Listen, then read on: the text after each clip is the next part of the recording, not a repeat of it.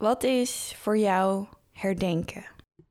Ehm, voor mij ziet herdenken eruit um, dat je um, ja, dat je daar met je familie veel over praat en dat je bijvoorbeeld inderdaad. Uh, nou, ik denk wel dat dat een hele brede uh, vraag is. Alleen uh, herdenken is. nou, nou ik vind herdenken heel belangrijk. Ik doe dat eigenlijk. Herdenken heeft maar... een ceremonieel karakter. het is iets wat je. Je kan niet elke dag herdenken. ik denk ook een soort oproep om, om de kennis niet kwijt te raken. Goh herdenken? Ik heb die vraag zo vaak aan anderen gesteld, maar ik heb er nooit over nagedacht wat dat voor mij is. Mijn eerste associatie is 4 mei. Iedereen zit voor de televisie, staat op de dam of bij een ander monument, zit in de trein, fietst, wandelt. En dan, om 8 uur, herdenken ze. Maar niemand herdenkt bij het monument van Joodse erkentelijkheid. Daar weer galmt de stilte. De afwezigheid van geluid kaatst van de Franse zandstenen reliefs af en vindt geen mensen om die stilte mee te doorbreken. Geen Wilhelmus wordt er gezongen, geen kransen worden er gelegd. Er liggen misschien her en der verspreid wat bloemen, maar op 4 mei is het oorverdovend stil.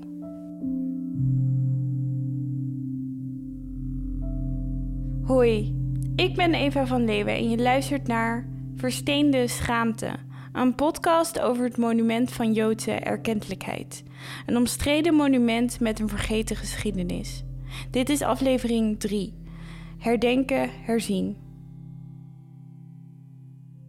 Herdenken is stilstaan. Stilstaan bij wat dingen die gebeurd zijn. Juist, uh, nou ben ik persoonlijk uh, ik ben heel erg gericht op de toekomst en niet op het verleden. Maar ik realiseer me heel goed hoe belangrijk het is om lessen te leren uit wat er gebeurd is. Ik ben al een aantal maanden met mijn onderzoek bezig als ik in contact kom met Marianne van Praag. Zij is rabbijn bij de liberaal-Joodse gemeente Den Haag. Ik had al met veel mensen gesproken over herdenken, maar mijn gesprek met haar is me bijgebleven. Ja, en dat is een typisch Joodse eigenschap. Ja. Of niet je eigenschap, maar gebruik. Zolang namen genoemd wordt, blijven ze leven. Dus dat is van essentieel belang. Want ieder mens, ieder mens is van belang. Het belang van herdenken is dus het levend houden van de doden, omdat ieder mens ertoe doet. En woord natuurlijk is dat er lessen geleerd worden uit de dingen die we herdenken. Het levend houden van de doden. Het noemen van de namen van diegenen die de oorlog hebben meegemaakt. Het denken aan hun, hoe ze praten, hoe ze lachten, hoe ze vals speelden bij Mens Erger Je Niet, hoe we samen viool speelden. En nu ik er zo over nadenk, door dit verhaal te vertellen, hou ik de gedachte aan mijn oma levend. Door haar naam te noemen en haar verhaal te vertellen, omdat haar nagedachtenis niet in de vergetelheid raakt. En om de nagedachtenis van de mensen, het menselijke aspect, uh, daarbij stil te staan dat die mensen die daaronder geleden hebben, uh, ja, in ere worden hersteld, is niet het juiste woord, maar dat die niet in de vergetelheid raken omdat er vaak geen familie meer is om hen te herdenken of ze geen eigen graf hebben. En dan is het net alsof ze niet geleefd hebben. We herdenken niet alleen een gestorven vriend of familielid, maar ook mensen die hebben bestaan, maar niet meer herdacht worden. Die dreigden of dreigen te worden opgeslokt door het zwarte gat genaamd vergetelheid. Want ieder mens doet ertoe en dient in meerdere of mindere mate herdacht te worden. We vinden het belangrijk om hen, die vervolgde mensen, te herdenken. Toch? Bij het Nationaal Monument in Amsterdam zijn wederom de doden uit de Tweede Wereldoorlog met bloemen en twee minuten stilte geëerd. Maar het is overdreven om te zeggen dat dit in het hele land gebeurde. Herdenken verandert met de tijd mee. Het is fluïde, dynamisch. Vlak na de Tweede Wereldoorlog was de gedachte: Nederland moet weer opgebouwd worden. En zoals je in de vorige aflevering hoorde, wilde men de Tweede Wereldoorlog zo snel mogelijk vergeten. En deze gevreesde vergetelheid leek op een gegeven moment werkelijkheid te worden. In Waalwijk was het koopavond. Geen twee minuten stilte, geen enkele vorm van herdenking. Onder jonge mensen bleek soms weinig bekend over de oorlog. Weet je wat voor avond het is? Geen idee. Wat zegt jou de 4e mei? Herdenkingsdag van... Uh...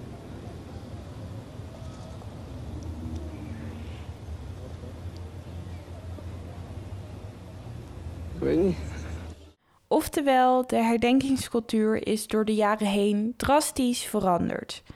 En wat is de herdenkingscultuur? Kort gezegd is het de overkoepelende term voor bijvoorbeeld tradities, gebruiken, rituelen en verhalen rondom het herdenken, specifiek voor een volk. Die herdenkingscultuur en daarmee wie en wat we herdenken, verandert met de maatschappij mee. In de wederopbouwperiode, dus net na de Tweede Wereldoorlog, werd de herdenkingscultuur beheerst door de mythe dat Nederland massaal in verzet was gekomen tegen de Duitse bezetter. In de jaren 40 en 50 werd er veel meer uh, herdacht vanuit het verzet. Uh, en nog veel minder vanuit de uh, Holocaust. Je hoort kunsthistorica en directeur van herinneringscentrum Kamp Westerbork, Gerdien Verschoor. Dat, zie je in, uh, dat zag je in Westerbork ook. Hè? De eerste, het eerste monument ehm, dat was een soort herdenkingsraam waarin de gemeente, de ambtenaren van de gemeente Westerbork werden bedankt voor hun. Uh, ja, ik zou even de precieze tekst op moeten zoeken. Dat kun je je niet meer voorstellen. Dat is vergelijkbaar eigenlijk met, met, uh, met het monument van Jobs in, in Amsterdam. Gerdien heeft het hier over een gedenkraam geschonken door het Nederlandse Rode Kruis aan de gemeente Westerbork. De boodschap op het raam luidt: Voor de hulp aan de Joodse gedeporteerden. Uh, toen kwam er in, ik geloof 1949, verzetsmonument uh, in Westerbork. En pas in 1970 het uh, Nationaal Monument um, dat herinnerde aan het wegvoeren van de Joden, Roma en Sinti. Dus dat is veranderd. Um, ik denk, maar dat weet ik niet. Ik denk dat het persoonlijker is geworden. Dat zie je ook aan het namenlezen aan dat mensen zelf met bloemen en kaarsjes uh, komen. En natuurlijk is de, de vorm, dat is voor mij als kunsthistoricus ook interessant, de vorm van de monumenten uh, is veranderd. In de jaren 40 en 50 was het, waren het of uh, zeg maar reminiscenties aan de graven of aan de dood, of het waren vrij heldhaftige, dokwerkerachtige, prachtige beelden. En nu is natuurlijk de vorm vaak ook heel anders. De vorm was inderdaad anders. Monumenten die zijn gemaakt in de wederopbouwperiode hebben een sterk christelijk en nationalistisch karakter. Een voorbeeld. Kijk maar naar een beeld wat jij zeker kent. Het monument op de Dam. Prominent in het midden zie je een Jezusfiguur, vastgeketend aan een obelisk. De twee Nederlandse leeuwen je hoeft niet erg je best te doen om de Christus en nationalistische symboliek te ontdekken. Al is het maar in de tekst, waar de woorden God en vaderland worden genoemd. Maar wat wel ontbreekt, is elke verwijzing naar de Jodenvervolging. Nou ja, dat zie je dus hè, bij ons aan dat raam. Uh, uh, en het beeld van hè, het monument voor erkentelijkheid ja, eigenlijk, ik ben heel benieuwd wat, wat mensen daarover zeggen die dat toen hebben meebedacht. En vooral wat mensen uit de Joodse gemeenschap zeggen, die, daar, die dat toen ook een goed idee vonden. Dat, dat vind ik zo fascinerend. Dat, uh, die die uh, shift van dat paradigma. Um, en nu, ja, je, omdat wij met hele andere kennis en hele andere uh, gevoeligheden zijn opgevoed, heb je daar ook een hele ander beeld bij. En kan je eigenlijk niet meer geloven dat dat toen zo is uh, gegaan. In de jaren 60 en 70 verschoof de aandacht naar het herdenken van de slachtoffers van de Holocaust. De reden hiervoor? Een combinatie van sociaal-maatschappelijke veranderingen en de aandacht voor de Holocaust in de media. Boeken als Het dagboek van Anne Frank, De ondergang van Jacques Presser, maar ook de televisieserie van Lou de Jong, getiteld De Bezetting, speelden een grote rol in de bewustwording van de Jodenvervolging. Daarnaast was er in 1961 het wereldberoemde Eichmann-proces in Israël. Het nazi-kopstuk werd in een Israëlische rechtbank gehoord en uiteindelijk veroordeeld. Zijn proces werd op de televisie uitgezonden. Bij deze bewustwording hoorde een nieuw soort herdenken en andersoortige monumenten. De voormalige concentratiekampen werden opengesteld voor het publiek. De Hollandse Schouwburg werd een monument en er kwamen nieuwe monumenten, zoals het Spiegelmonument Nooit meer Auschwitz van Jan Wolkers. Herdenken werd meer dan terugdenken aan. Het werd ook leren van het verleden. Ja, en het is dus ook een, een waarschuwing voor de toekomst. Ik vroeg het aan Arnold Gunberg, die je ook in aflevering 2 hoorde. Nou ja, ik denk dat we onszelf een opdracht hebben gegeven dat dit niet meer mag gebeuren. Nee. Um, of we daarin slagen, daarover kun je praten, daar is discussie mogelijk. Maar um, dat lijkt me wel. Een waarschuwing, ja, ik, ik heb ook wel eens geschreven dat je, dat je geen morele lessen zo makkelijk zou moeten trekken uit de geschiedenis. Omdat hij daarvoor te weer bijstig is en te ingewikkeld. En dat het eigenlijk op onrecht doet aan die geschiedenis. Daar sta ik nog wel steeds achter. Maar ik denk wel dat je kan zeggen dat, dat, je, dat je je eigen tijd wel beter kan begrijpen door naar het verleden te kijken. Zonder dat de geschiedenis zich direct herhaalt. Ja. Dus het woord waarschuwing, dat klinkt al meteen. Ik ben zo van hier komt het vingertje en dit, dit mag niet. Dit. Nou ja, ik, ik schreef in het parool een stuk, uh, tien dagen geleden was dat. Nee, ja, minder, vijf dagen geleden. Maar ik zei van eigenlijk gaat het om dat je ook herdenken wordt vooral zinvol als je ook bereid bent jezelf te identificeren met de daders. Dus dat, je, zelf niet, dat je zelf kunt voorstellen dader te zijn. Als je zelf alleen maar kunt voorstellen slachtoffer te zijn, heeft het herdenken denk ik nog wel zin. Maar maak je het jezelf ook wel makkelijk. Wat, wat is dan het belang, het maatschappelijk belang van herdenken? Ja, ik, ik, ik begrijp dat, ik daar, dat, ik daarin, dat ik misschien daar verwarrend in klink, omdat ik probeer zo genuanceerd te zijn dat je, dat je denkt: van, wat zeg je nu precies? Wil je, waar wil je, wat heb je tegen het woord waarschuwing? Um, ja, want veel, veel mensen gebruiken toch dat, dat, dat woord. Dat is ook in het Duits, zijn maanmaal hebben ze. Dus de Duitsers hebben dat ook, wat ik ook weer mooi vind. Ja, ik, ik, ik misschien is dat persoonlijk, maar ik, waarschuw, het is, ik vind op het moment dat je wie waarschuwt aan wie. En vanuit welke autoriteit kan je dan als de herdenken, wat, wat doe je precies? Als je, waar, waarvoor waarschuw je precies? Dus eigenlijk dat je, dat, dat je het niet moet presenteren als een waarschuwing, dat mensen daar zelf hun conclusies uit kunnen trekken. We zeggen, dit, is, dit is nog altijd vruchtbaar. Wat toen gebeurd is, kan weer gebeuren. Um, wat, ja, dat is een open vraag. Wat betekent dat? Ik denk dat, ook, dat je ook iets wil, dat je ook kennis wil nemen van het verleden. Dat je wil weten, nou ja, wat, dat je dus niet, dat je eigenlijk in detail moet proberen te praten. Ja. Dat je niet in algemeenheden moet vervallen als je spreekt. Um, ja. Dat je namen ook noemt, dat is belangrijk. En dat die link leggen naar het heden op zo'n manier doen dat die, dat die meer is dan een, dan een rituele link. Wie waarschuwt dan wie? Dat is een lastige vraag. Niet te beantwoorden, denk ik. En waar worden we dan voor gewaarschuwd? Voor fascisme, uitsluiting, racisme, intimidatie, uitbuiting, eigenlijk alles wat slecht is. Waarvan we ook vinden dat het slecht is, maar weten dat het telkens weer gebeurt, omdat het in de aard van de mens zit. En genocide, dat is ook weer gebeurd. In 1994 vond een genocide in Rwanda plaats. En nog dichter bij huis in Srebrenica. Daar werden in 1995 naar schatting 7000 moslimjongens en mannen vermoord. En nu, anno 2021, worden Oeigoeren in concentratiekampen opgesloten in China. Dus door, door, door te denken geef je ook aan dat het, dat het verleden niet, niet, niet voorbij is, dat het leeft. Maar tegelijkertijd aan doe je het op een geritualiseerde manier. Dus laat je ook mogelijkheden, je zit niet gevangen in dat verleden. Het is niet, ehm, het is niet zo dat omdat dat gebeurd is, het wel weer zal gebeuren. Ik eindigde het gesprek met Gunberg met veel vragen. Meer vragen dan antwoorden. En toen, op het laatst, vroeg hij dit aan mij.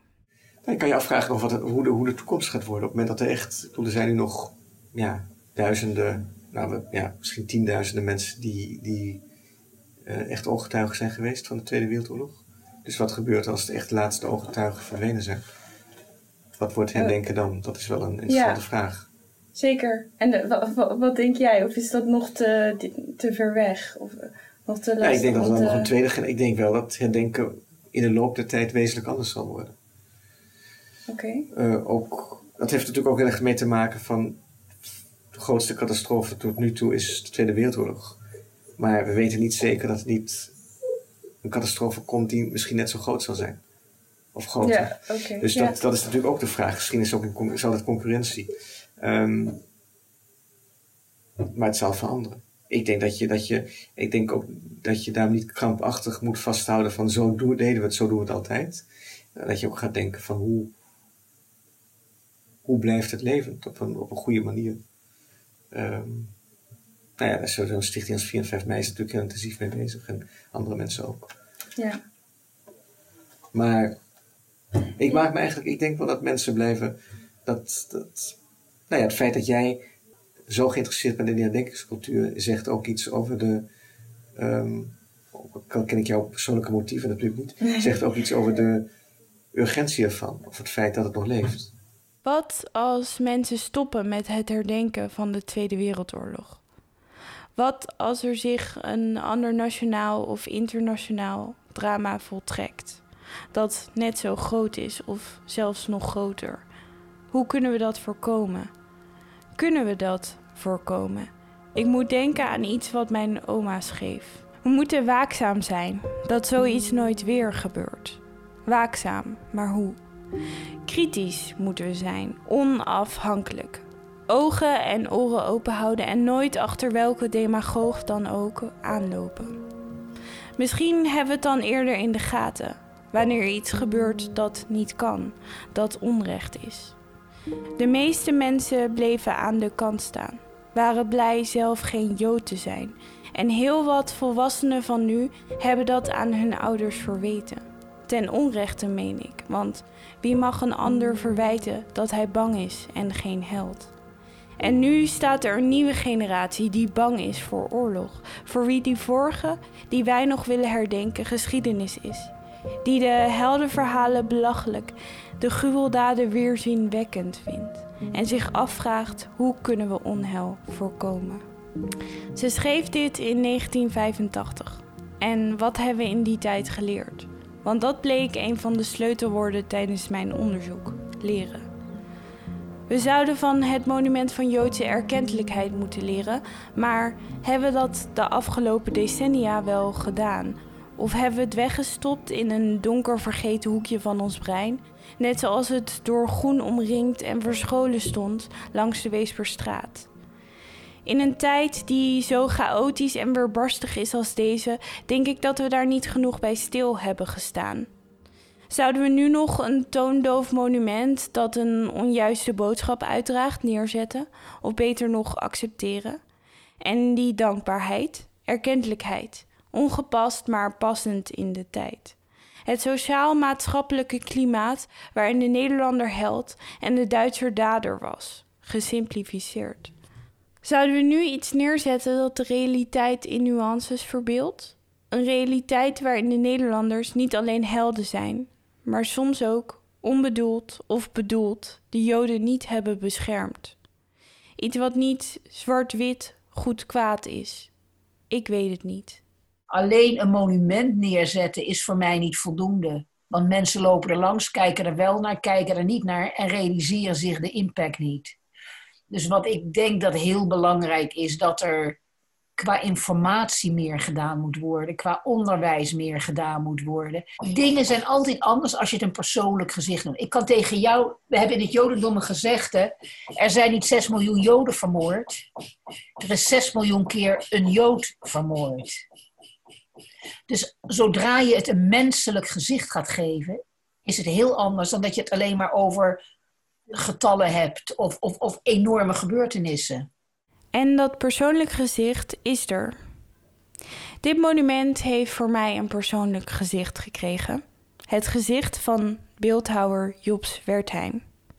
De man achter het monument. En de man achter het grafmonument van de familie van mijn oma. Wie was deze man? Hoe kende hij mijn oma? En wat is de toekomst van het monument van Joodse erkentelijkheid? Dat hoor je in de volgende en voorlopig laatste aflevering van Versteende Schaamte. Het onderzoek, het script en interviews deed ik zelf, Eva van Leeuwen. De techniek, audiomontage en redactie werd gedaan door Wietke Dotinga. De interviews die je hoorde waren met Marianne van Praag, Gerdien Verschoor en Arnold Gunberg. Het historische televisiefragment wat je hoorde was van het Polygoonjournaal uit het archief van beeld en geluid. Het citaat van Evelien van Leeuwen kwam uit een artikel uit haar boek De Fatale Weg. Met bijzondere dank aan Hinke Piersma en het NIOD voor de ondersteuning bij het onderzoek. En aan Willem Nijkerk.